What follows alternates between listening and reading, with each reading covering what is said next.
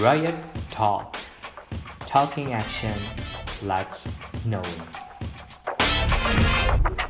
COVID-19 benar-benar bikin bisnis nggak menentu. Beberapa perusahaan terpaksa merumahkan pegawainya, bahkan sampai mem-PHK. Banyak juga perusahaan yang harus gulung tikar. Apakah ada peluang yang bisa dilakukan? Hai Spartan, sudah masuk episode 3 nih. Semoga Spartan selalu dalam keadaan sehat ya. Oke, jadi episode Riot Talk sekarang, saya bakal ngobrol bareng kaptennya Riot Bandung tentang bisnis dan peluang yang bisa dilakukan saat kondisi pandemi. Aku panggil aja deh orangnya. Hai Kevino, apa kabar? Halo Kang Iki. Halo juga Spartan. Gimana kabarnya nih? Baik. Ya oke. Harus Ngom- baik dong. Ngomong-ngomong lagi di mana nih? Di Bali Kang Iki. lagi di Bali ya. Belum di bisa pulang. Belum bisa pulang ya? Iya. Ya, jadi chapter Riot Bandung tapi lagi ada di Bali. Iya nih. Oke. Kerjaan di Bali kan. Ya, siap. Oke, jadi hari ini kita cuma ngobrol santai aja tentang bisnis dan peluang yang bisa dilakukan saat pandemi. Nah, temanya juga udah di-post nih di feed-nya IG Riot Indonesia. Jadi kita langsung ngobrol-ngobrol aja deh, Cap. Oke, boleh. Nah, gini, Cap Kino kan salah satu pelaku bisnis.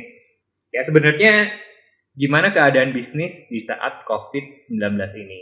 Apakah semua bisnis turun? Terus kira-kira bisnis apa yang masih bertahan? Oke. em, udah pasti ya kalau keadaan kayak Hmm. gini kita semua sama-sama tahu eh, bisnis sudah pasti turun. Ya. Eh, aku rasa juga ini mempengaruhi teman-teman Spartan dan juga orang-orang di sekitar kita. Kita juga udah pasti eh, udah mulai melihat lah eh, efeknya tuh. Mungkin kalau awal-awal pandemi COVID ini kita masih lebih concern sama hal-hal yang berbau kesehatan Oke. gitu kan keselamatan diri. Hmm.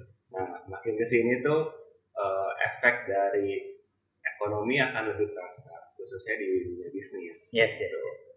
Nah, jadi udah pasti sih ada ada bisnis yang eh, turun, tetapi ada juga bisnis yang bertahan atau malah atau malah berkembang gitu, Pak Iki. Oke, jadi yang turun itu apa?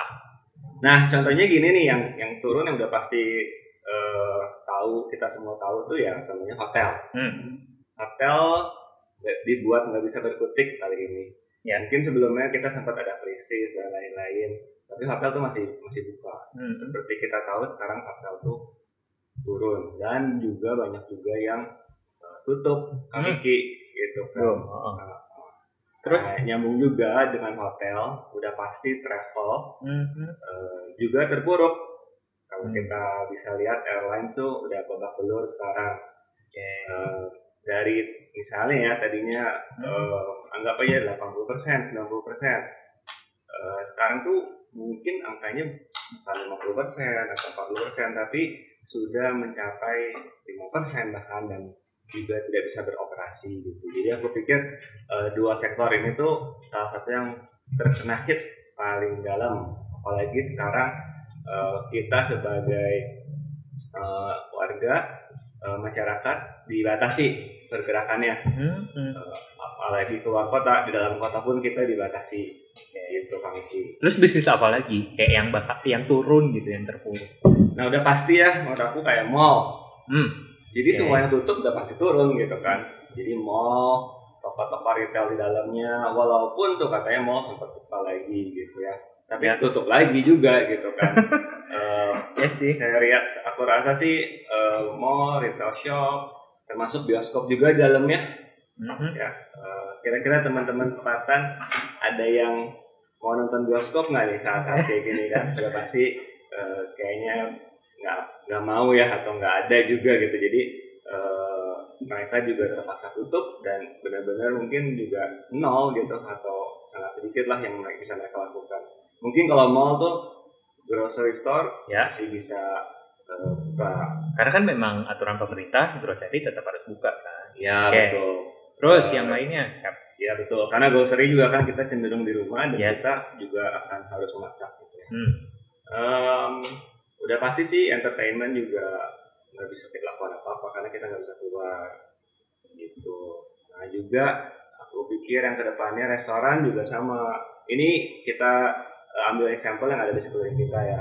Oke. Uh, restoran juga uh, sebenarnya sekarang tuh uh, beberapa kota bisa buka, tetapi tidak ada dine in gitu kan. Uh, apa kabarnya coffee shop juga gitu kan? Iya, berarti semua sistemnya take away dong. Betul. Oke. Nah, kita tahu bahwa sebenarnya kebutuhan orang Indonesia atau kita kita tuh bukan hanya makannya doang gitu yang kita Hmm. butuhkan kan nongkrongnya gitu. Yes. Jadi kalau harus di take away, udah pasti kita nggak akan datang ke restoran atau ke coffee shop itu. Jadi itu um, affecting a lot lah ya. Terus bidang apa lagi yang dampak? Nah ini mungkin eh, terakhir ya, aku pikir ya salah satu yang aku lihat juga adalah eh, bidang yang terkait dengan eh, bisnis, terkait maksudnya terkait dengan kegiatan, kegiatan bisnis, eh, yaitu MICE. Eh, Oke, MICE apa tuh MICE? MICE tuh meeting, Ya. in- in- insentif dari eh, perusahaan, Mhm. terus juga convention dan juga exhibition yang eh, biasa dilakukan mungkin oleh pemerintah atau oleh IO-IO yang yang eh, biasa membuat acara ini sudah pasti nggak bisa dilakukan Hmm. karena bayangkan aja biasa satu, satu kali meeting atau satu kali exhibition eh, jum- jumlah pesertanya mungkin bisa ribuan atau Ya, bahkan puluhan ribu betul, betul, gitu betul, kan. betul. Ya. Eh, udah pasti eh, tidak cocok dan yang terakhir nih eh, kantoran Hmm. kita kan kantor tuh sewa tuh kalau misalnya perusahaan-perusahaan tuh sewa kantor ya, Ya. juga ya Ah. Eh, udah pasti eh, mungkin sekarang beberapa masih bisa tetap kantor tapi beberapa juga sudah mulai tidak mengantor atau artinya bekerja dari, dari rumah saja nah ke depan kelihatannya persewaan kantor juga ada kemungkinan nih makin trennya makin turun Oh, oke. Berarti memang harus ada eh, apa ya istilahnya eh, tips atau strategi lain ya kalau misalnya bidang-bidang yang. Oke, ngomongin yang terburuk nih, kan yang terpuruk, yang akhirnya kena dampak. Tapi ada juga nggak sih kayak yang lainnya yang bakal naik gitu, kayak bisnis yang bisa bertahan atau masih bertahan saat sekarang ini. Nah, em, kebetulan, kebetulan ya, eh, memang ada bisnis-bisnis yang seperti itu tanpa kita sadar atau kita sadar belakangan. Kita pikir COVID ini semuanya turun, terpuruk karena semua orang tidak bisa bergerak ya, Hmm. semua orang ketakutan. Tapi ada beberapa juga ternyata yang naik daun. Eh, misalnya sudah pasti di bidang kesehatan, Naik daun bukan ulet kan? bukan Oke, terus kayak agak bercanda lah dikit. Oke, oke oke ya terus. boleh boleh boleh. Oke, yang naik daun apa aja tadi? Yang naik daun ya, em, medical. Ah, Ya, ah, udah pasti kan rumah sakit semua sekarang sibuk gitu kan untuk Hmm. menangani masalah ini termasuk juga eh, apa ya yang terkait dengan obat-obatan atau terkait dengan vitamin vitamin juga Hmm. katanya harganya naik pasaran kosong gitu ya Iya sih. dan juga terkait dengan alat-alat eh, apa itu sanitasi atau alat, Ya. proteksi diri Oke. Itu itu salah satu yang udah obvious lah. Kita semua sudah tahu ya sebelumnya itu rame barangnya nggak ada. Nah, ya ya. Nah, Next. Terus ada yang berikutnya lagi. Karena tren kita tuh kan di, rum- di rumah aja nih. Mungkin saya pikir teman-teman Spartan juga 80 persennya tetap di, di rumah aja gitu ya. Karena sebagian masih bisa bekerja, sebagian bekerja dari rumah, sebagian sudah nggak bisa ngapa-ngapain jadi harus di rumah aja karena dibatasi kan gerak- pergerakannya. Oh. Nah, udah pasti yang akan berkembang tuh di sektor digital. Oh, Digital iya tuh ya. eh, contohnya misalnya e-commerce. Hmm. Jadi sekarang kita belanja tuh udah udah pakai eh, e-commerce, Ya. pakai website atau udah pakai marketplace gitu kan. Mulai dari belanja eh, contohnya belanja shampoo Hmm. gitu kan. Ataupun kebutuhan yang lebih sering kita belanjakan adalah misalnya bahan baku makanan ataupun sayuran. Kita semua sudah bergerak belanjanya melalui e-commerce. Sebelumnya mungkin kita masih pergi keluar, masih belanja ke pasar, tapi sekarang eh, kita dipaksa untuk berbelanja melalui e-commerce. Oke. Nah, terkait dengan digital ini juga, Yes. eh, semua yang berbau aktivitas yang dilakukan di eh, luar rumah sekarang harus dilakukan di rumah. Jadi Oh. mulai dari pekerjaan, bekerja, Ah, kalau udah bekerja. pasti remote working from home. Oh Jadi ya. semua yang terkait dengan eh, apa ya, eh, mungkin platform buat meetingnya itu di rumah aja. Juga eh, ada juga seperti sekolah. sekolah sekarang di, di rumah saja. Iya sih. Berarti apa tuh kalau sekolah homeschooling dong? Sekarang tuh kan yang masih tetap booming tuh adalah platformnya ya. Ya. Tapi ke depan sih aku pikir mungkin eh, edukasi-edukasi seperti eh, webinar atau Ya. training-training online itu Ya. tuh udah mulai booming. Sekarang pun teman-teman Spartan juga udah pasti sudah mulai merasakan ya makin ke sini makin banyak mulai dari belajar apa pun juga ada mau dari belajar masak atau belajar eh, saham mungkin atau belajar bahasa Hmm. sudah sudah melakukan sudah dilakukan dengan online. Hmm. Oke. Terus terus ada lagi nggak? Nah, em, yang salah satu yang paling apa ya eh, booming lagi sekarang tuh Netflix nonton film. Oh iya ya kan kan bioskop nggak ada. Iya, jadi betul. bilangin Netflix. Ya ya ya, ya. Terus ya kayak entertainment di rumah berarti kan? Iya betul. Betul. Salah- termasuk salah satunya lagi itu adalah home sport ya, home sport. Jadi olahraga di rumah tuh mulai mulai bakal jadi tren. Jadi kalau misalnya kita tanya tukang apa tuh, tukang cardio machine, Ah, treadmill, atau ya. tanya juga misalnya barbell, Ya. yang jualan mat gitu. Nah, iya, Tiba-tiba semua orang beli gitu. Oh iya ya. Karena kan kita tetap mulai bergerak di, di rumah dan akhirnya kita akhirnya sektor-sektor seperti itu yang akan tetap jalan juga. Hmm. Ya berarti jadi itu adalah kira-kira bisnis yang maka, eh, yang masih bertahan bahkan booming ya. Jadi sektor Betul. secara online ataupun hal yang dilakukan memang secara virtual. Oke. Nah pertanyaan berikutnya Cap. Jadi kayak apa sih yang bisa dilakukan kalau pekerjaan berdampak di masa pandemi? Mungkin ini pertanyaannya juga mungkin relevan ya karena sekitar kita juga banyak yang terdampak pandemik ini khususnya di di pekerjaannya gitu karena aku sih pikir eh, aku bagi dua ya kalau pekerjaan satu tuh adalah eh, pekerja kedua adalah pebisnis udah pasti di saat-saat kayak gini semuanya tuh kena dampak ya. jadi bukan satu bukan satu pihak tapi semua orang terkena dampak dari pebisnis pun dari eh, UKM dari sektor menengah ataupun sektor yang lebih besar Mm-mm. korporat itu pun kena dampaknya Kang Iki Ya ya ya. Gitu nah hanya kita eh, juga harus jangan diem aja Ah, Nah itu apa yang harus dilakukan? gitu kan Ya Eh, ya ya. jadi kita tuh jangan jangan jangan hanya menunggu lah maksudnya. Yes. karena Oke. menunggu tanpa kepastian Yoi. Ya digantung kan. digantung. ya kan? paling paling nggak enak digantung kan Duh, denger ya. Selatan. Nggak enak digantung, kata Kevino. Oke, next. Jadi apa yang bisa dilakuin nih, Cap? nah jadi kuncinya itu adalah prepare for the worst gitu kan jadi kalau kita digantung kita harus siap akan hal terburuk yang akan terjadi Hmm, gitu kan nah kalau kita sudah tahu hal ter- terburuknya apa kita harus bisa namanya kalau sekarang tuh istilah yang paling sering digunakan pivoting gitu kan apa itu pivoting Ya, iya, iya. Apa? Nah, pivoting tuh uh, shifting. Apa Jadi? itu shifting juga ya? Iya. Masih bingung ya. Ya, mungkin Jadi maksud, jadi maksudnya Ah. kita harus bergeser, berubah atau berganti haluan, Hmm. nah, Iki, gitu. Oke, oke, oke. Jadi jangan hanya uh, di jalur yang kita udah sekarang, tapi kita mulai memikirkan bahwa apa sih yang bisa kita lakukan, apa sih yang bisa kita lakukan berbeda, atau uh, saya harus gimana gitu kan? Ya, ya, ya, ya. Tadi kan sudah di, sudah di sebelumnya kan pertanyaannya ada sektor mana yang terpuruk, sektor mana yang booming Hmm. gitu kan. Ya. Ya mungkin sudah mulai waktunya kita berpikir untuk berganti ke sektor yang booming gitu. Karena saya rasa sih pandemik ini nggak akan dalam waktu cepat eh, bisa kembali seperti biasa.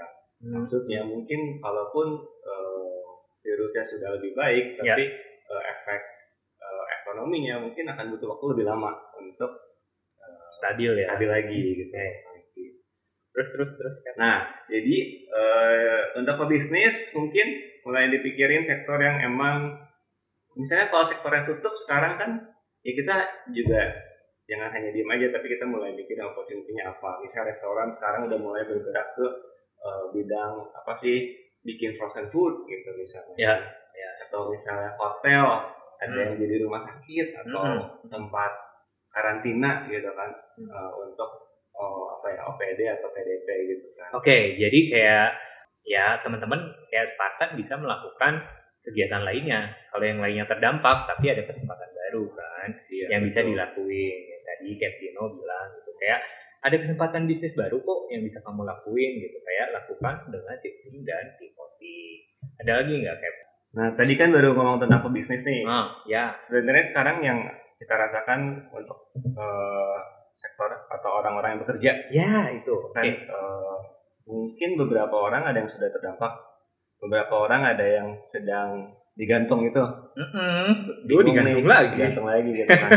Eh, yang katanya eh, bulan depan kayaknya bisa buka nih gitu. Ya. ah, Tapi coba dipikir-pikir apakah bisa buka bulan depan gitu kan. Nanti masalah PSBB aja eh, kita mau buka tahunya takut ditutup lagi dibatasi lagi gitu kan. Jadi aku pikir sih memang situasi gini semua serba bingung ya. Cuman again tetap kita harus prepare from, from for the worst. Jadi ya udah waktunya lah sekarang belajar skill baru gitu kan atau mulai mikir lagi kira-kira saya tuh passion nggak sih dengan kerjaan yang apa saya yang saya lakukan sebelumnya? Iya, iya. Ah, Jangan-jangan mungkin itu bukan passion saya, saya terpaksa aja karena kebetulan pas di interview dapetnya itu gitu kan.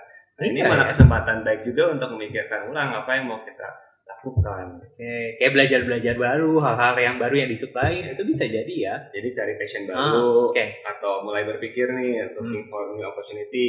Eh, mungkin mulai mikir-mikir apakah ada karir atau pekerjaan lain yang mungkin akan lebih cocok atau langsung langsung berkembang setelah pandemi ini selesai. Ah. Nah, apa aja? Ya. Misalnya contohnya gitu kan di bidang sosial media Hmm. dan digital ya. Hmm. Sosial media gini ini merupakan suatu opportunity saat ini. Eh, mungkin buat teman-teman yang posting, jarang menggunakan Iya. sosial media seperti saya, gitu. Ngaku ya, Cap. mungkin mungkin waktunya mulai mikir ulang nih, apakah udah mulai saya harus menggunakan sosial media lebih Ya. aktif gitu kan. Karena ya udah pasti teman-teman yang lebih aktif sekarang mereka juga bisa bergerak, mereka bisa bikin kegiatan baru, mereka bisa ada yang jadi ada yang ada yang buka PO buka PO makanan via sosial media Hmm. dan lain-lain. gitu. Ya, Jadi satu sosial media, sosial media ini tuh kan banyak, salah satunya Ya. adalah sebut aja Instagram, eh, Facebook, beberapa lagi juga ada yang lain YouTube gitu kan. Eh, ada beberapa lagi yang emang mungkin nggak se nggak sesering itu pemakaiannya, sesering tiga yang tadi. Mhm. Eh, ada LinkedIn, ada TikTok bahkan gitu yang boleh dipelajari, it can be big gitu kan. Itu juga bisa menjadi sesuatu yang besar. Ah, gitu. Jadi kayak memang peluang-peluang lainnya bisa dilihat gitu kan. Dari TikTok jangan cuma gerakannya aja. Betul, betul. Jadi yang saya sering baca datanya tuh TikTok tuh katanya the next big thing gitu. Tapi bukan TikTok yang cuman apa itu? Ya cuma nari gerak-gerak. atau gerak-gerak gitu kan. Eh, aku diajarin sekarang sih kayak kayak TikTok kan. Ya, aku juga sama Kang Iki waktu itu kan dipaksa Iya, iya. udah pasti sama Oke, next. siapa lagi gitu kan. Iya, Nah, yang aku rasa nih salah satu kalau ngobrol-ngobrol sama teman-teman sektor IT itu ternyata nggak terlalu berdampak loh. Jadi kalau pekerja Hmm. pekerja IT, software, eh, apa ya, eh, software house Ya. atau mungkin IT itu gesernya ke digital marketing, Ah. bikin-bikin konten, Iya, iya, iya. bikin digital iklan gitu Iya, kan, iya, iya. termasuk bikin-bikin program. Nah itu tuh tetap jalan. Oke. Aku lihat lagi Terus- apa ya em, sektor edukasi pun juga bisa menjadi peluang ya buat teman-teman yang eh, lagi bingung di rumah nih tapi ternyata punya kemampuan skill misalnya Iya, iya. eh, ngajar olahraga gitu kan Oke. seperti beberapa teman kita di Spartan udah pasti kan kalau SNC SNC aja bisa kan Oke. gitu kan. Berarti kayak ngajar bahasa Inggris, matematika juga bisa. bisa dong udah pasti bisa gitu kan Oke. Eh, mungkin yang lagi tren juga sekarang eh, orang jadi trading gitu kan dia tetap trading Ya, saham, trading forex tapi itu yang aku lihat itu malah naik volumenya Oke. cuman ya tetap harus belajar nggak bisa langsung eh, terjun karena ada resikonya Eh, mungkin juga di sektor-sektor kesehatan Hmm, gitu kan hmm. yang eh, apa ya kalau punya link di sana atau mungkin berjualan barang kesehatan dan lain-lain Eh, mungkin juga bisa di sektor makanan gitu kan Ya. home cooking Hmm. ya itu trennya di situ sih Hmm, Oke. Wah, ternyata banyak. Satu lagi ada nggak? Kayak Nah. misalnya tambahannya apa? nah ada satu lagi nih yang aku lihat maksudnya Ya. ini kan aku eh, analisa lihat-lihat dari teman-teman di sekeliling kita gitu. Prediction. Oke. dari teman-teman di sekeliling kita lihat-lihat aja mereka lagi Oh. ngapain sih mereka Ya, ya, ya. nggak ngapa-ngapain atau mereka makin sibuk jadi Aha. eh, melihat ada satu teman kita eh, yang bergerak di bidang network marketing Hah? atau teman-teman lain juga iya iya iya. yang tadinya udah sibuk sekarang Hmm. makin sibuk ternyata jadi setiap hari bisa zoom meeting eh, lima kali tiga kali gitu jadi eh, ya aku rasa ya sektor ini juga eh, kok kelihatannya bisa dijalankan di saat kondisi pandemik ini nggak kalah dengan Betul betul. eh, di saat tidak pandemi Oh, jadi kayak misalnya offline bisa diganti juga sebetulnya sama online. betul gitu. betul betul Ya, nggak tahu ya network marketing Ya. apa apa? Apa? Mungkin kalau yang lain kayak temen pengen sharing juga ke apa sih kayak network marketing? Network marketing tuh mungkin udah bahasanya tuh MLM gitu kan. Hmm, Contohnya misalnya produknya kalau mau nyebut ya eh, apa ya? Harus banget nyebut nggak boleh sih. nggak nggak gitu paham. Tapi Oke. yang aku tahu contohnya Herbalife misalnya Oke. itu bisa dijalankan karena terkait dengan kesehatan apa eh, kesehatan vitamin suplemen dan gaya hidup yang baik juga. Oke, nah tuh Spartan ternyata kayak eh, kalau kalian berdampak di masa pandemi, ternyata banyak pekerjaan yang memang bisa dilakukan kalau kita memang ngelihat peluang atau new opportunity. Jadi kayak bisa menambah skill atau dengan hal-hal bisnis baru lainnya. Oke, kayak lanjut ya. Oke. Kayak yang ya sekarang saya tahu nih kayak Spartan juga pasti tahu pembatasan kegiatan berlangsung di mana-mana. Bandung, Jakarta, ya kayak Jawa Barat, Jawa Tengah, Bali pun sama ternyata gitu kayak ada pembatasan. Nah apa sih yang bisa kita lakukan? Ya betul Pak Iki. Em, jadi keluhannya tuh kalau awal-awal nih misalnya waktu awal bulan pertama pandemi ini terjadi tuh orang tuh ribut bosen Hmm. monoton gitu-gitu aja kesel di rumah gitu kan Hmm. bulan kedua juga masih sama gitu Eh, mungkin kalau eh, cerita atau posting tuh pengen liburan pengen kalau sudah selesai kalau udah selesai mau ngapain tuh pertanyaan Ya, ya. yang paling banyak di dijawab tuh gitu kayak oh gua mau liburan mau eh, apa ya hangout gitu atau mau race gitu kan misalnya kan jadi sebenarnya di saat-saat ini ternyata orang mulai udah sudah mulai bisa menikmati eh, dengan di rumah aja dan mungkin beberapa orang sudah bisa mulai merasakan oh ternyata nggak nggak seburuk itu ya ternyata enak juga gitu di rumah gitu kan Oke, iya iya. iya. gitu. Apa tuh kayak misalnya kayak apa yang bisa dilakukan gitu di rumah? Karena memang tadi dibilang bahwa banyak hal yang bisa dilakukan atau kayak keuntungannya gitu. ya jadi makin lama udah pasti kita akan makin kreatif Hmm. walaupun harus di rumah saja mulai dari bekerja Oke, Eh, udah campaign working from home tuh dari kapan-kapan yes. Nah, saya sih mulai merasa beberapa orang mungkin malah merasa lebih enak, lebih efektif buat mereka. Oke. Kenapa? Ya. Karena mulai bisa diterapkan uh, flexible working hour. Oh, karena ya ya itu kayak gimana kayak kita yang menentukan atau gimana sih? Jadi kan kalau di rumah mungkin kita bisa atur waktunya ya memang beberapa harus tetap jam kantor ya. Tapi kan Ah, karena ah, kita ah, nggak ah, harus ah. pergi ke kantor, jadi kita nggak ada nggak ada waktu terbuang di jalan Yes. gitu kan. Jadi kita bisa menggunakan waktu-waktu itu untuk di rumah dan melakukan kegiatan-kegiatan yang efektif gitu. Eh, juga trennya ke depan kita tuh akan bisa ngatur waktu kita. Yang penting pekerjaan kita kan selesai kan. Yes. Jadi mungkin kita mau kerja pagi banget gitu. Hmm. Jadi sore-sore kita sudah selesai atau mau kerja sore banget atau, malam gitu kan. Hmm. Eh, sehingga paginya kita misalnya mau bangun siang gitu. Hmm, hmm. Itu akan lebih memungkinkan saat ini dengan adanya working from home dan flexible working hour. Juga misalnya contoh mami-mami yang ini mami-mami muda Iya misalnya. iya gitu. iya. iya. Kayak- Em, Mancan ternak Woi, gak tau sih. Ya kayak mama, mama mama cantik. Ya udah anak, ya gitulah. Oke terus gimana Cap? Nah, sekarang tuh kan eh, mereka mau di rumah dulu, masak dulu, ah, ah. eh, ngajar ngajar dulu anaknya, kemudian em, kemudian mereka baru melakukan aktivitas pekerjaan mereka gitu. Oke. Ya. Nah, buat mereka itu terus. juga sangat memungkinkan untuk dilakukan. Yang aku rasa ada dampaknya juga lah buat pekerja yang mungkin awalnya orang bingung sekarang mulai terbiasa. Oke terus. Nah, juga yang yang bisa dilakukan nih kalau teman-teman kita semua nih, kalau misalnya kita punya WhatsApp grup tuh semua pada semua pamer lagi masak apa, udah masak apa hari ini gitu kan. Banyak lah ya, udah tahu juga Iya, iya. pasti eh, di seluruh kota mungkin kan. Mungkin Ya, di oke. Di WhatsApp grup private pun mungkin juga dilakukan eh nih masak ini gitu. Tapi bagusnya kadang-kadang kita kebagian, soalnya kita sering dikirim kadang-kadang Iya, iya, iya, mereka iya. masak kan pasti harus ada banyak ya. Jadi eh, masak di rumah tuh menjadi satu tren yang banyak orang eh, senang lakukan. Kayak akhirnya jadi skill baru juga kan. Jadi skill baru juga gitu Ya, kan. ya, ya. Eh, mulai dari yang gampang-gampang yaitu makanan sehari-hari gitu kan. Misalnya ayam betutu gitu kan contohnya kan. Gak gampang loh yang butuh tuh. Tapi oke lah, maksudnya ya sesuatu yang gampang mungkin ceplok Iya. telur. Yang nggak biasa Iya. ceplok telur akhirnya bisa ceplok sendiri. kalau ceplok telur kan nggak pamer kan Iya sih. kan. mulai mulai dari mulai baking baking something yang lebih susah lagi Yes. gitu kan yang yang yang wah masih banyak waktu nih ya udah gue baking something nih Oke, jadi kayak going to the next level. Iya. Iya. bikin apa ya eh, eh siomay seru nih jadi mungkin bisa bikin siomay Oke. gitu kan. jadi dan dan itu di, di, di, di, dipamerkan diposting gitu Right. dan sudah pasti eh, fun dan menambah eh, skill dan menambah eh, kegiatan mereka di rumah Oke, nah kalau dari kegiatan kegiatan lainnya kayak olahraga bisa dilakukan. malah olahraga yang paling bisa dilakukan di rumah Oh, Gitu. iya iya. intinya Heeh. hidup sehat lah dengan olahraga ini Iya.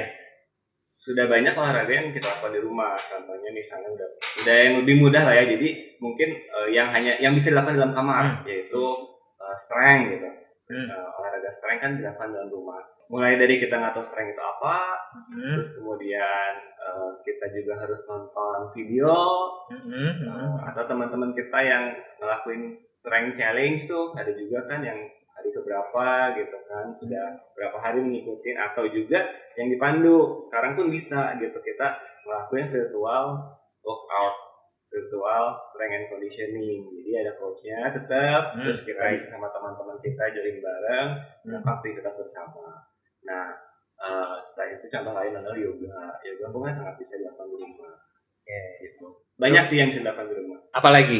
Eh, mungkin kalau yang tetap mau ngelakuin lari atau sepeda bisa dilakukan di treadmill. Hmm. Kan sepeda juga sekarang bisa bisa di rumah ya. Ya. Eh, mungkin kalau kita mau main sepak bola kayaknya belum bisa ya. Hmm. Karena ya mungkin bisa juga sih kalau mau tendang-tendang sama tembok di rumah. Kasihan sedih ya, udah digantungin, tendang-tendang sendiri gitu kan. Eh, ya, tapi kan memang banyak hal yang bisa dilakukan. Tadi dibilang bahwa, ah ya udah lakuin kreatif aja. Terus terus apa lagi nih yang bisa dilakukan? Kita bisa eh, belajar hal baru. Jadi aku rasa ini adalah kesempatan yang baik untuk self improvement. Ah, gitu. Karena kita nggak ada distraction. Kita banyak waktu di rumah gitu. jadi sudah pasti kita eh, bisa ngelakuin sesuatu yang baru gitu kan. Contohnya apa yang bisa kita lakukan? Belajar skill baru. Hmm. eh, mulai dari belajar bahasa gitu kan. Hmm. jadi kadang-kadang selama ini kita pengen belajar tapi waktunya nggak ada atau kita diajak pergi terus sama teman atau kita lari terus katanya gitu. Atau kita harus race gitu kan. Jadi eh, waktunya nggak ada untuk melakukan hal lain eh, yang emang mungkin kita benar-benar kepinginkan. Juga eh, mungkin kegiatan yang berdampak langsung ke diri kita ke kesehatan kita. Misalnya makanan lebih sehat lebih baik. Kalau sebelumnya kita keluar sering sering diajak teman makan nggak bisa nolak akhirnya kita udah makan sehat gitu Oke. ya hal seperti itu bisa kita lakukan. What other things? Kayak wah aduh gue juga butuh hiburan nih. Kayak bisa dilakukan nggak sih di rumah? nah jadi ada tren yang menarik nih sekarang. Heeh. Eh, kan kebutuhan orang tuh sebenarnya adalah socialize gitu kan. Iya sih. Hangout gitu. kita tuh pengen hangout kalau ditanya udah ini mau ngapain? Mau hangout ketemu temen? gitu kan. Ngapain sih ngobrol aja sebenarnya kan? Hangout Ya, ya. makan di luar ngobrol ngopi di luar ngobrol gitu kan. Nah sebenarnya dipikir-pikir em, dan ter- dan karena kondisi seperti ini juga kita masih tetap bisa hangout. Caranya virtual hangout.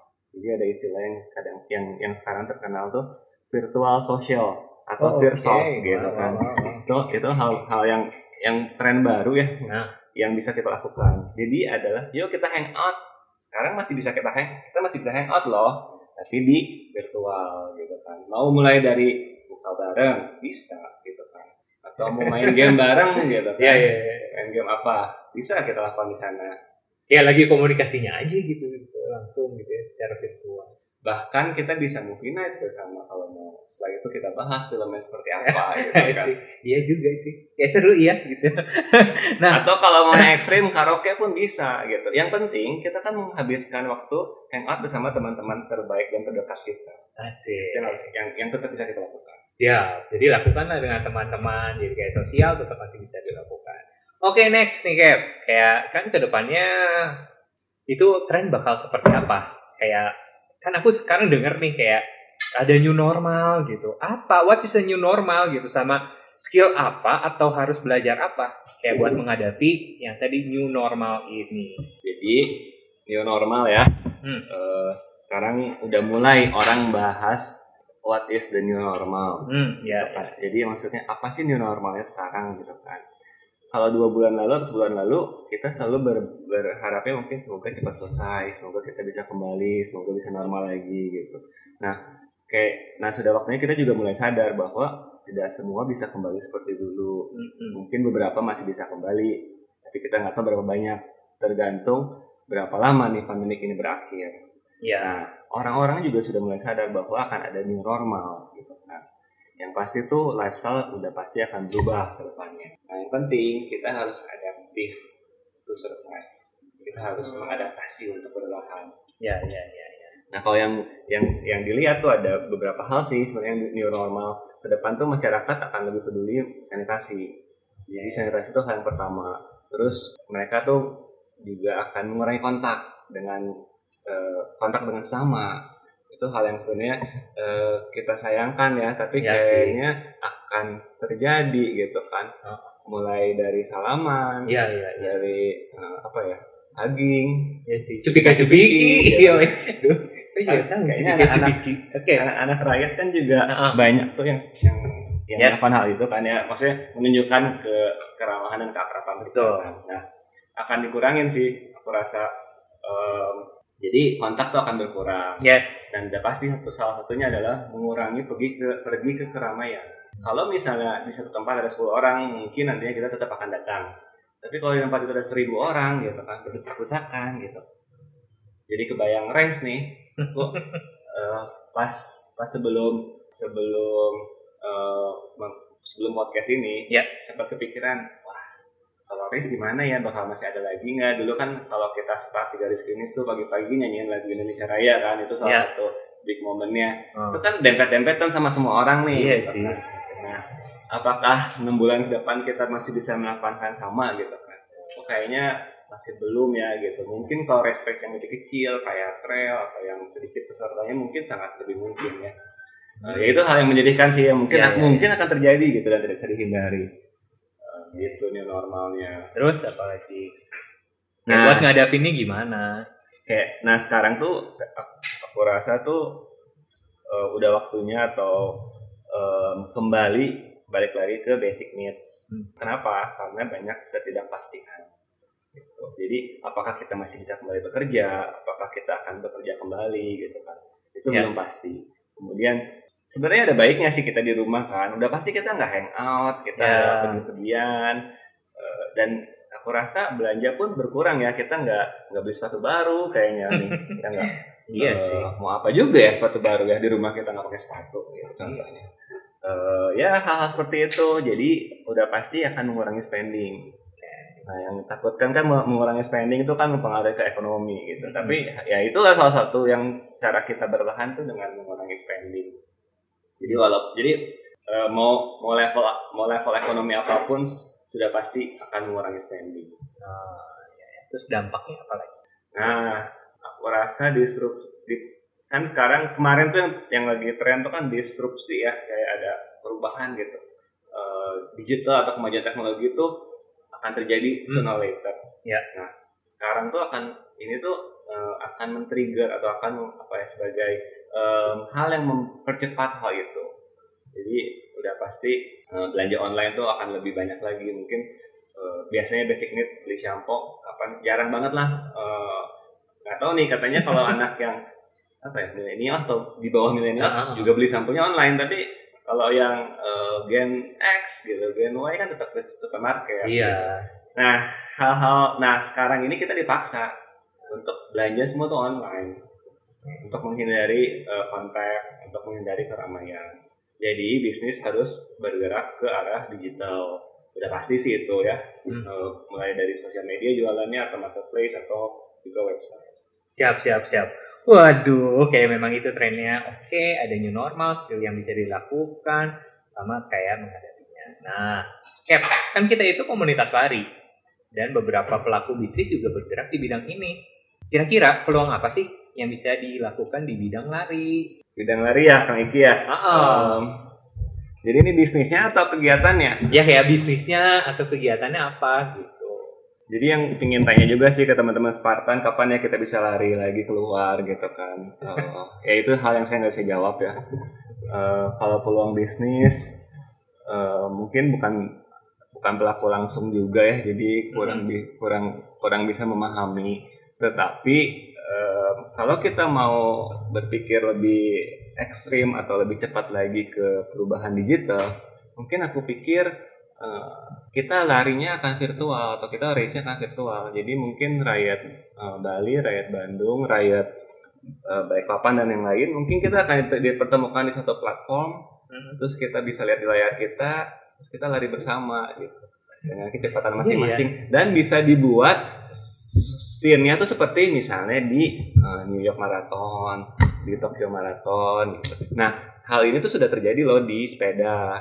Contohnya ada aplikasi namanya apa? Zwift ya, Zwift atau ada juga aplikasi lainnya lah. Nah, mulai merambah ke eh, lari. Contohnya dikonekin ke treadmill kita. Jadi kita lari tetap sendiri di Coba backgroundnya itu berubah gitu kayak suasana gitu. Jadi bayangkan deh, eh, treadmillnya itu ada TV di depannya. Iya iya iya. Gitu kan. Dan nanti ada Kang Iki, ada teman-teman kita yang lain dari Spartan Kota lain bisa kelihatan larinya di depan, di belakang atau atau kita mau eh, barengan PC janjian kan Hmm. kalau biasa kan suka pengen janjian gandengan nih finishnya gitu. Tetap bisa dilakukan tapi digital. Oh, ini, iya. ini ini aku ngayal aja ya. gitu. Tapi bener juga, maksudnya itu kan bisa bidang dilakukan. Ternyata lari di treadmill, terus kita kayak pakai virtual equipment kan, gitu kayak semua connect terus pakai, oke lah. Gitu. Ingat nih, nih yang pelaku bidang bisnis lari ini bisa jadi masukan. Oke sikap, oke.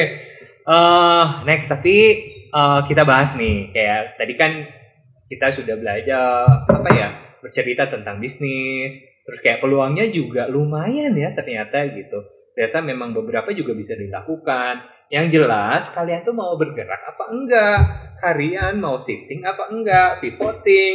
Yang tadi sudah dijelaskan sama Capino. Ya kitanya aja tinggal adaptasi. Oke, Cap, sekarang eh, yang bisnis sudah. Kita sekarang sesi mengenal Capino. Ah, kayak biar Spartan itu tahu juga tentang Capino. Siap. Enggak. Ah, pokoknya harus siap. Cap, masih lari kan? Eh, ada masih. Nah, sekarang selain lari, kayak hal menarik apa yang sekarang rutin dilakukan sama Kevin? Apa ya? Em, kerja masih, Ya terus, makan juga masih. pasti kalau itu kan kehidupan sehari-hari, kayak kayak kebutuhan. Next, kayak hal rutin lah. Ya mungkin aku share beberapa hal yang Ah. em, hal baru lah yang aku lagi coba terapkan gitu. Mm-mm. Mungkin ada yang sebelumnya sudah diterapkan atau ada yang baru aku terapkan eh, di masa-masa ini gitu kan. Mm-mm. Yang pertama tuh eh, aku termasuk sering melakukan power nap, Kang Iki. Hmm. Jadi kan katanya kalau nap tuh buat anak bayi gitu kan. yes. Tapi eh, aku ingin merasakan manfaatnya dari power nap. Jadi eh, cukup konsisten melakukan eh, power nap gitu kan. Right. Eh, hanya dengan 15 sampai 30 menit maksimal eh, kita istirahat siang-siang itu sudah bisa merefresh eh, pikiran kita atau energi kita ke zona yang lebih segar. Eh, Tujuannya adalah apa? Untuk mengembalikan konsentrasi dan fokus kita. Nah, jadi kalau energi level tuh biasanya dari jam 7 pagi tuh bangun kita bangun gitu kan. Itu tuh belum peak kan, baru Betul, mulai naik ya. gitu. Ya. Naik sampai kira-kira jam 12 tuh itu peak gitu. Oke. Nah setelah itu energi level tuh biasanya turun dari jam 1 sampai jam 5. Nah kalau kita nggak nap, udah pasti kita di kantor ngantuk, nggak produktif, WA chat atau malah melakukan hal-hal nggak produktif gitu kan. Nah jadi Iya salah sih. satu mensiasatinya adalah dengan napping gitu. Eh, dan sudah cukup merasakan manfaatnya sehingga jam jam-jam kritis tuh jam 2 Iya, sampai iya, jam 4 tuh atau jam 5 tuh tetap masih bisa eh, fokus gitu kira-kira. Sip, cobain ah.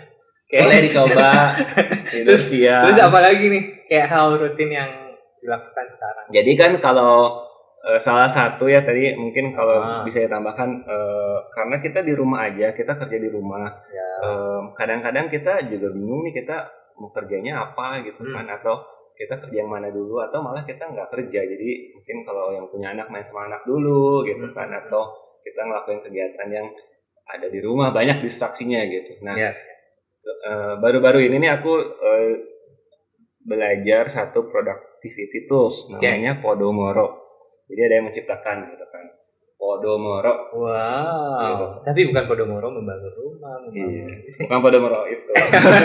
oh jadi ini ada Podomoro teknik. Iya. Yo dengerin wis Spartan kayak sebetulnya apa tekniknya? Boleh di, di, di apa mungkin di Google ya setelah Ya, ini. oke. Jadi intinya kita membagi suatu pe- pekerjaan kita Hmm. ke menjadi bagian yang kecil, sangat kecil. Nggak sangat kecil lah, yang cukup kecil ya, sehingga bisa kita lakukan dalam waktu 25 menit. Oh, Oke, jadi mempersempit skopnya. Ya. Oke, terus? Nah setelah itu kita break 5 menit. Terus kita lanjutkan, kita ulangi ke pekerjaan selanjutnya, Mhm. 25 menit lagi, break 5 menit lagi. Hmm. Itu kita lakukan sel- selama 4 kali. Hmm. Kalau masih belum selesai pekerjaannya atau mau ganti pekerjaan, Ya. kita istirahat dulu 30 menit kalau sudah 4 kali, karena kan udah mumet tuh pasti Iya sih. gitu kan. Nah, kita ulang lagi gitu kan, ngelakuin hal uh, small block, small block fokus uh, on 25 menit ini gitu kan. Jadi kalau aku sendiri sekarang mentargetkan sehari minimum 4 sampai 8 podomoro. Nah, bayangin ya 4 podomoro kan cuma 2 jam ya. Mm-mm. Kalau 8 kan 4 jam gitu. Kalau bisa kita lakukan, kita tuh ada kita tuh akan sangat mungkin kita akan lebih produktif daripada kita bekerja normal gitu. Kenapa sih bisa begitu ya? Iya, iya, iya. Karena eh, dengan dengan blok yang kecil kita Mhm. bisa bisa fokus sama tugas-tugas kita atau sama kerjaan kita sehingga eh, kita bisa meningkatkan produktivitas kita Iya, iya, iya. juga menghindari menghin- menghilangkan distraksi. Jadi eh, kadang kalau kita mengerjain ini dua jam nanti di baru setengah jam kita di telepon kita di WA gitu kan. Iya. Nah kalau ini pokoknya kita nggak boleh diganggu selama 25 menit aja gitu kan. Cari pekerjaan atau potong-potong pekerjaan sehingga bisa selesai dalam 25 menit Hmm. gitu kan. Em, jadi ya intinya bisa fokus, nggak keganggu, eh, menaikkan productivity kita. Eh, jadi de- harapannya dengan waktu lebih sedikit kita bisa menyelesaikan pekerjaan lebih banyak. Jadi waktu kita yang lain bisa dipergunakan untuk kegiatan yang lainnya. Ah, Boleh dicoba nih. Saya Siap. juga masih lagi mencoba baru dua minggu. boleh nih, kayak dicoba juga. Siap, next. Apalagi cap yang dilakuin? Apalagi ya? Kan sekarang orang-orang pada puasa. Tapi ikut puasa nggak? Nah, ini nih aku kan dari awal kepikiran nih em, pasti kan teman-teman Spartan banyak yang puasa, aku tuh mau ikutan puasa sebenarnya ah. gitu kan. Tapi sebelum puasa eh, mulai, aku tuh sudah melakukan yang namanya intermittent fasting, mencoba lah ya. Ya. Em, Kayak Jadi- gimana? jadi aku jelasin dulu ya, intermittent Yes. fasting kan ya kita semua tahu lah puasa. Puasa Ya. kan nggak makan selama periode waktu tertentu. Hmm. Terus setelahnya kita makan gitu kan. Yes. Nah, Ah. hanya intermittent, intermittent fasting ini memang nggak nggak makan aja, tapi boleh minum. Beda sama puasanya di bulan Ramadan, kan itu nggak boleh minum kan. Oke. Ada beberapa jenis, ada beberapa apa ya eh, waktu gitu kan. Biasa pada yang cukup umum tuh kita hanya berpatokan pada namanya circadian time, yaitu waktu matahari terbit dan waktu matahari terbenam. Jadi eh, kita makan di saat matahari terbit, terus nggak Hmm. makan di saat matahari terbenam. Ya mungkin sekitar 12 jam atau 14 jam kita puasa itu. 12 jam lah mungkin ya. Ya. Nah terus kedua yang cukup populer dan yang lagi saya coba juga adalah 16-8. Artinya 16 jam makan, eh sorry, 16 jam nggak makan, Oke. 8 jam, 8 jam, 8 jam makan. gitu. Ah, Nah, kalau yang saya lakukan adalah eh, makan terakhir jam 8 malam. Masuk akal lah ya kita makan jam 8 malam Cukup. terakhir. Nah, kemudian baru makan lagi jam 12 siang sehingga itu 16 jam. Oke. Nah, em, jadi intinya skip satu kali makan lah. Biasa kalau kita makan tiga kali skip satu. Kalau aku, sarapannya enggak? biasanya skip sarapan. gitu Oh, kan. iya, iya. Ada juga yang lebih ekstrim lah 24 sama aja kan. Mungkin sampai jam 6 makan malamnya lalu breakfastingnya jam 2 siang. Ada juga satu lagi yang lebih ekstrim namanya omat one meal a day gitu kan. Jadi cuma makan sehari sekali. Mungkin ada tentang waktu ya sejam lah gitu kan untuk kita makan. Tapi eh, asupan eh, gizi dan kalorinya eh, harus sama dengan kita eh, makan biasa gitu kan. Jadi tidak mengurangi apa-apa. Ya, ya.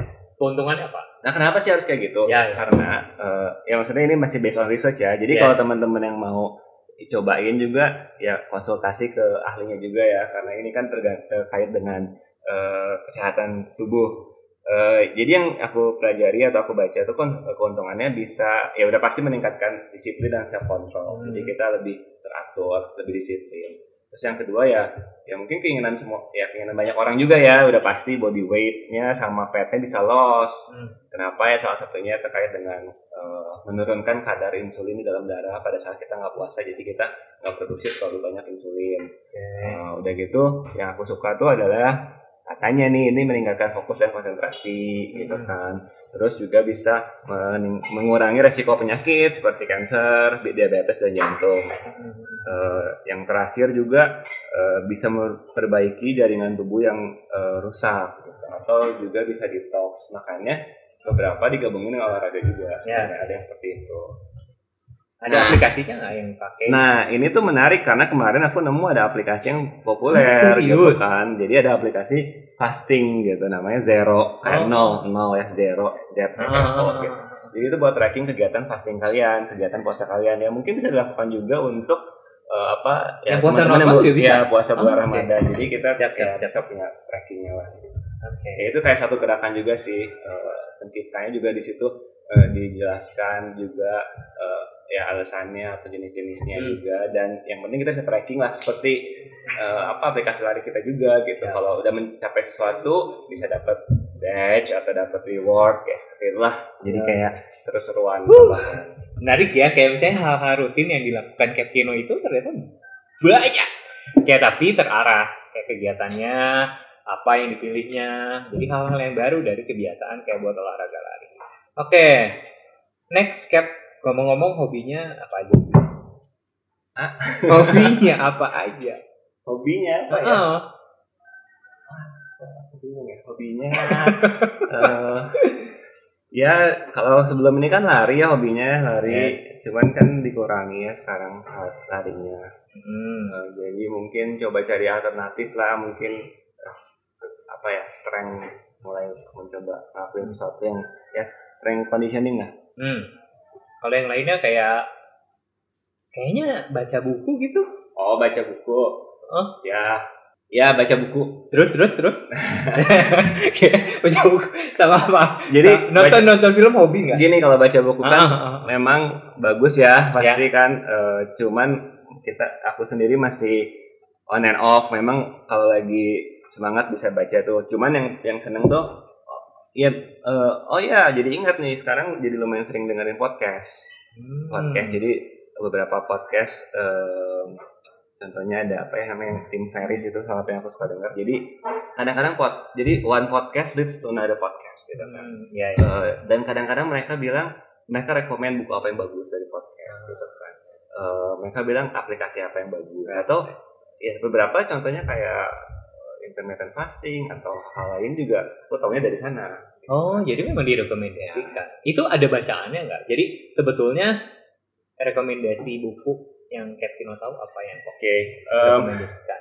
kalau buku ya em, banyak sih sebenarnya jadi kalau kalau zaman sebelum zaman dulu tuh direkomend apa beli rekomend apa beli gitu Ah, ah. Nah, cuman eh, sekarang kondisi kayak gini kan agak susah beli online gitu kan.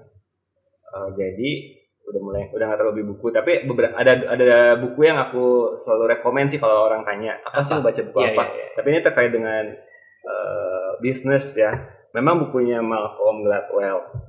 Apa tuh judulnya? Judulnya tuh Tipping Point itu kalau nanya buku yang paling aku suka tuh itu Yes. gitu kan. Sebenarnya aku itu tentang marketing juga tentangnya tentang pengalaman tentang hidup juga dan tentang marketing jadi aku sendiri bukan orang marketing kan cuman baca baca Hmm. buku itu tuh eh, dapat banyak insight namanya tipping point by Malcolm Gladwell itu salah satu yang boleh lah direkomendasi yang boleh aku Film, film, film nih yang direkomendasikan apa? nah kalau film aduh film mungkin aku bukan ahlinya ya kalau mau rekomendasi kayak teman kita ada yang lebih ahli di film mungkin akan dibikin nih pod- pod- podcast podcast berikutnya tentang film Oke, atau oke, oke. Menarik.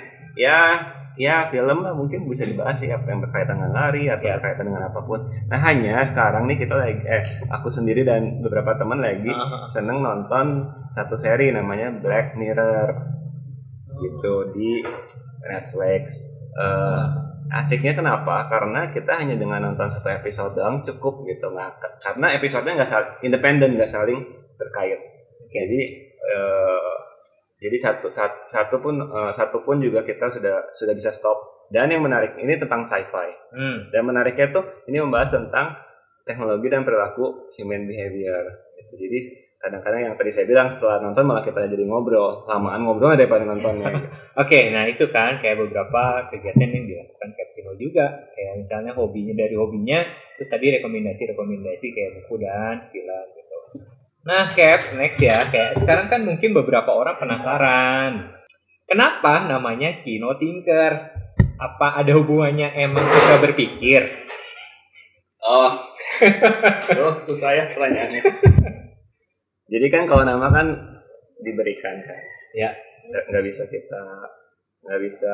Eh maksudnya ya kebetulan aku juga sempat eh, tanya juga sih kenapa dikasih nama Ah, itu ah, gitu kan. Jadi basically kalau nama Kino tuh kan sebenarnya N-nya dua ya buat mungkin buat beberapa yang nggak tahu N-nya dua. Jadi itu tuh kalau dulu dikasih namanya based on ada perdana menteri Jepang namanya Akino terus diambil Kinonya aja gitu kan.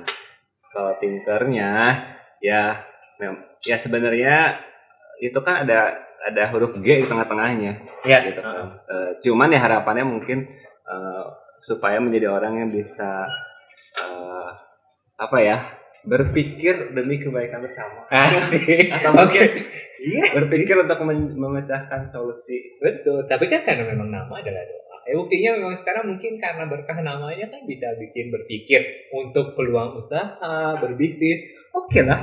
Iya teman-teman jadi udah tahu ya kayak namanya Captino Tinker itu dari mana. Ternyata memang punya arti yang beda. Oke, siap. Cap, ya ngomongin Riot. oke Riot Bandung kayak gimana? Wajib ya ditanya Rakyat Bandung eh Ya kan kaptennya Riot. iya betul iya betul Nggak harus panjang kok. Ya, Rakyat Bandung tuh ya menurut aku seru ya. Em, jadi ini mau cerita historinya atau Nggak kayak usah gambaran kayak aja? gambaran kayak- aja. ya.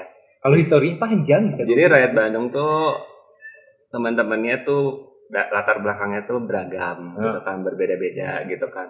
Em, backgroundnya atau gaya hobinya pun beda-beda. Tapi yang aku suka dari Rakyat Bandung tuh mereka tuh bersatu pada saat atau kompak pada saat kita berlari gitu kan. Mungkin mereka akan em, eh, punya teman dekatnya siapa Hmm. gitu kan yang ini punya teman dekatnya siapa. Tapi kalau kita lagi lari bersama rakyat, kita adalah semua family gitu kan. Nah itu satu untuk dari segi membernya. Iya, iya, Terus kedua yang aku suka dari Rakyat Bandung tuh atau ada gambaran gambaran apa? Gambaran kayak apa sih Rakyat Bandung? Rakyat Bandung tuh fondasinya ada di officer. Jadi yang membuat Rakyat Bandung bisa seperti saat ini tuh udah pasti officer-officer. Jadi officernya juga satu mandiri, dua kreatif, ketiga juga eh, apa ya inisiatif. Jadi eh, pada saat yang aku rasakan pada saat meeting dengan mereka tuh eh, saling ngisi gitu dan ngisi kekosongan masing-masing. Iya. Jadi kita yang nggak terbeban nge-handle Rakyat Bandung malah bawaannya fun. Kira-kira kayak gitu kalau Rakyat Siap. Bandung. Jadi ya dan kita ya welcome lah ya selalu ya kita teman-teman Sip. rakyat. Jadi ditunggu nih yang eh, mau datang ke Bandung. Oke. lupa kontak kita. Nah, kontak kita termasuk aku. Oke, ya. Oke, lanjut. Cap main data sekarang kan Cap Kino ini adalah kapten. Ternyata kapten terbanyak yang ikut race di Riot di tahun 2019. Masa sih? Iya. Wow. Coba kayak inget nggak kayak race apa aja yang diikutin? Tahun lalu. 2019 ya. Iya, tahun lalu. Sekarang udah 2020 ya. Em, tahun ini nggak ada race. Eh, ada race ya awal tahun Tahura. Iya, awal tahun. Tahun lalu Tahura juga, cuma Eh, aku nggak nggak nggak ikut lari waktu itu Hmm. lagi kurang enak badan. Terus Jogja, Ya. jadi ingat ikut Jogja. Eh, Jogja ya. Udah gitu Bandung udah pasti. Bandung kan langsung ya, langsung uh, Ah. Pokari ya waktu itu. Pokari ambil FM eh. Iya, iya, iya, iya. Oke, Terus, udah gitu sebenarnya harusnya Bali langsung MBM kan, tapi di tengah-tengah malah mampir ke eh, karena ya diajak juga ya. eh, diajak dihasut tapi dipaksa. Enggak sih, akhirnya kita akhirnya aku eh, lari 5 kilo di Surabaya Marathon. Oh, jadi Ya. Bandung Surabaya. Hmm. Gila. Terus dari Terus udah pasti Bali ya, Bali, Bali, kan oke. eh, ikut juga HM udah di Bali. sini. Ah. Terus Jakarta dulu ya atau BTS? Enggak kayaknya. Pernah ikut itu juga ke Makassar juga. Eh enggak sih. Enggak, Enggak ya, oh iya, iya. belum. Eh, Nanti ya kapten kapten Barmar enggak. Oh, tahun kemarin ikut. Eh, jadi setelah itu Jakarta ya, Jakarta, Jakarta. dan eh, BTS. BTS ya. Bromo. Iya banyak, iya banyak juga sih. Kalau sih ya. kalau dibandingkan, iya kalau dibandingkan kapten lainnya, ya kapten itu paling banyak. Jadi tahun ini kan Pak kepinginnya kepinginnya tuh mainnya ke luar Jawa atau Hmm. Bali ya. Iya. Mungkin pengennya ke Sulawesi, Kalimantan. Kalimantan juga gitu. Oke, Tapi- next. Belum berhasil. Ya, Mungkin bisa di tahun depan. siap amin. Oke, lanjut ya. Riot, Rock Garden atau TAT? Udah pasti jawabannya semuanya. Kayak semua safe ya. Aduh, ini ini gitu pertanyaan sih. Ini pertanyaan gue. Aduh, jadi tadi semuanya sempat kaget juga ya kalau orang-orang ditanya kayak gitu. Oke, ya udah. eh, sekarang kita lanjut buat pertanyaan dari Spartan yang diposting di IG.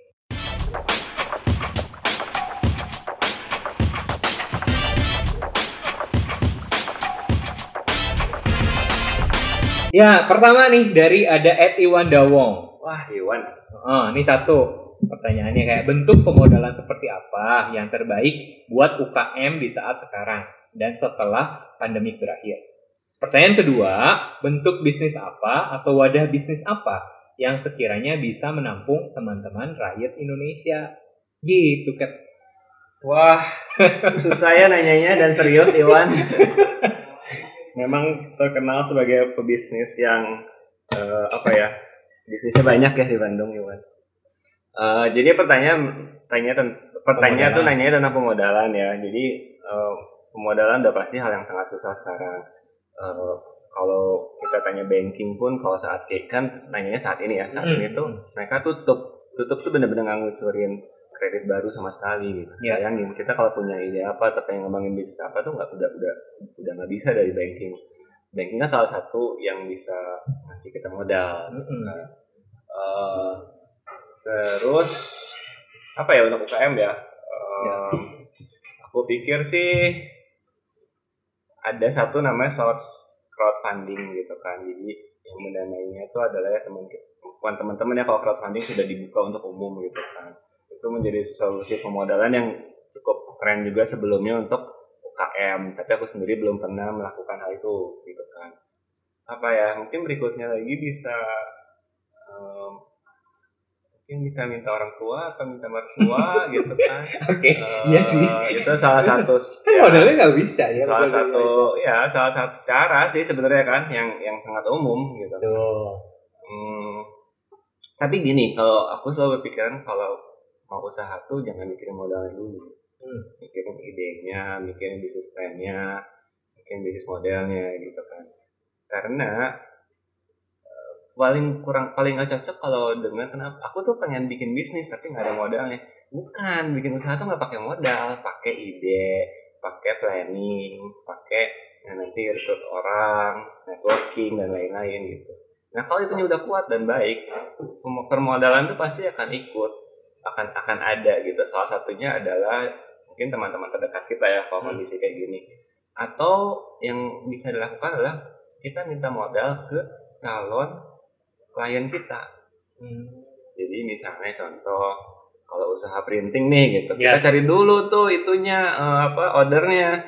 Misalnya kita dapat order perusahaan besar gitu kan, ya kita mungkin kasih harga eh, harga harga yang eh, baik gitu kan, terus kita eh, minta DP-nya, DP-nya bisa menjadi modal usaha. Oke, Mudah-mudahan menjawab ya Iwan. siap. Kayaknya menjawab sih ya. Kayak wadah bisnis, kayak wadah bisnis yang bisa menampung teman-teman.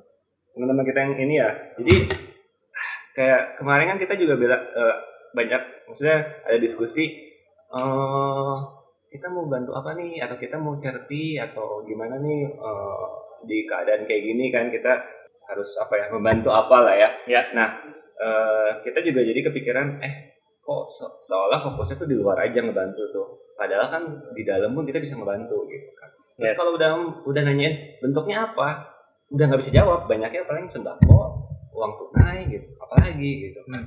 Nah, aku pikir yang salah satu bisa kita lakukan adalah eh, membuat atau memberikan pekerjaan itu adalah sesuatu yang lebih sustain menurut aku.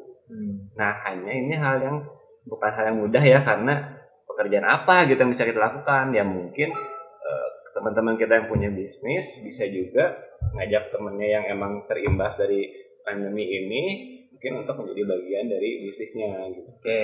Misalnya untuk logistiknya, Ya, untuk delivery service-nya gitu. Iya ya.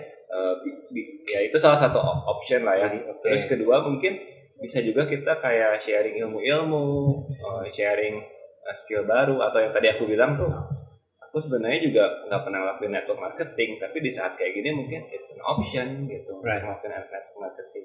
Oke, next pertanyaan kedua dari G Tagit. Hai Cap, membagi waktu antara karir dan hobi gimana tuh? Kayak khususnya yang punya hobi lari, biar sukses dan kece kayak Cap Kino, soalnya seimbang banget. Membagi waktu ya, eh gimana ya? Eh, kayaknya aku merasa juga masih belum cukup berhasil dalam membagi waktu ya. Tapi udah pasti sih se- aku senang belajar tentang productivity, time management gitu kan. Eh, udah pasti yang paling mudah dilakukan adalah setting goals dan eh, setting times tuh. Kalau kita, jadi kadang-kadang tuh kita nggak tahu prioritas kita atau goals kita apa gitu kan. Nah, eh, jadi pada saat kita sudah mulai, kalau kita sudah tahu kita akan lebih terarah gitu kan. Jadi kita bisa eh, produktif atau efisien ke- ke- dalam melakukan pekerjaannya. Terus yang kedua, ada yang menarik nih aku selalu senang sharing ya, namanya 80-20. Jadi 80-20 itu misalnya list 10 kegiatan yang ingin kamu lakukan. Oke. Nah, artinya itu adalah kita hanya fokus ke top 2 aja gitu. Jadi artinya itu biasa 20% kegiatan yang kita lakukan tuh menyumbang ke 80% apa yang kita hasilkan. Gitu kan. Jadi contohnya kita list aja 10 gitu kan. Ya. Mungkin lakukannya dua Ya. yang paling utama. Sisanya lakukan aja mungkin tiga atau empat lagi gitu. Sisanya nggak usah dilakukan. Jadi kadang-kadang orang tuh melakukan hal-hal emang yang bukan prioritasnya dia gitu. Itu sih yang menjadi masa itu menjadi kunci dalam membagi waktu menurut aku seperti itu. Hmm, Oke, oke. Pertanyaan selanjutnya ketiga dari Amelia Larasati. Ini anak Bandung ya. Kayaknya sih. Oke, Cap. Sebenarnya yang dibutuhkan dalam memulai usaha itu apa? Terus apalagi kan di masa pandemi gini, buat ngeluarin modal aja harus hati-hati banget. Oke, em, ya itu ya kalau aku pikir dalam usaha tuh yang penting eh, sebenarnya mulai aja dulu sih. Hmm. Gitu. Mulai aja dulu. Mungkin kalau bahasa modal tuh ya start small tapi start gitu kan, jangan nggak start. Terus kedua ya keep learning, selalu belajar, selalu kreatif. Jadi continuous learning. Jadi eh, aku rasa sih mulai aja dulu, terus kita keep improving dari apa yang udah kita mulai Hmm. itu aja sih menurut aku. Ya Oke. pasti modal sih bukan hal yang utama ya dalam usaha kalau menurut pendapat. Oke, ya itu dia ya. Jadi kayak pertanyaannya karena memang ini waktunya lumayan juga ya ngobrol-ngobrol gitu. Kayak oke lah, kayak ini sebelum ditutup nih. Oke. Seperti biasa, kan narasumber yang ada di Hayat Talk, yes, bakal dikasih tantangan.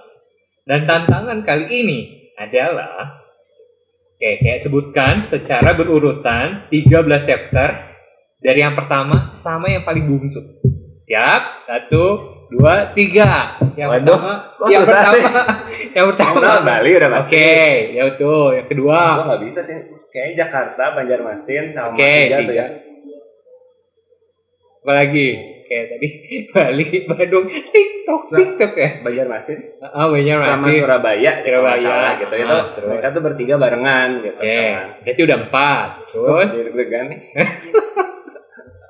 oh terus eh, coba pikir, bentar ya pikir dulu. oke. Kalau nggak salah tuh Lombok. Oke, Ya, lima benar. Gorontalo. Yes, enam. Eh, terus udah gitu Palu karena Oke. adiknya kan di sana. Nah, Terus udah gitu baru yang berikutnya yang ke-8 Bandung.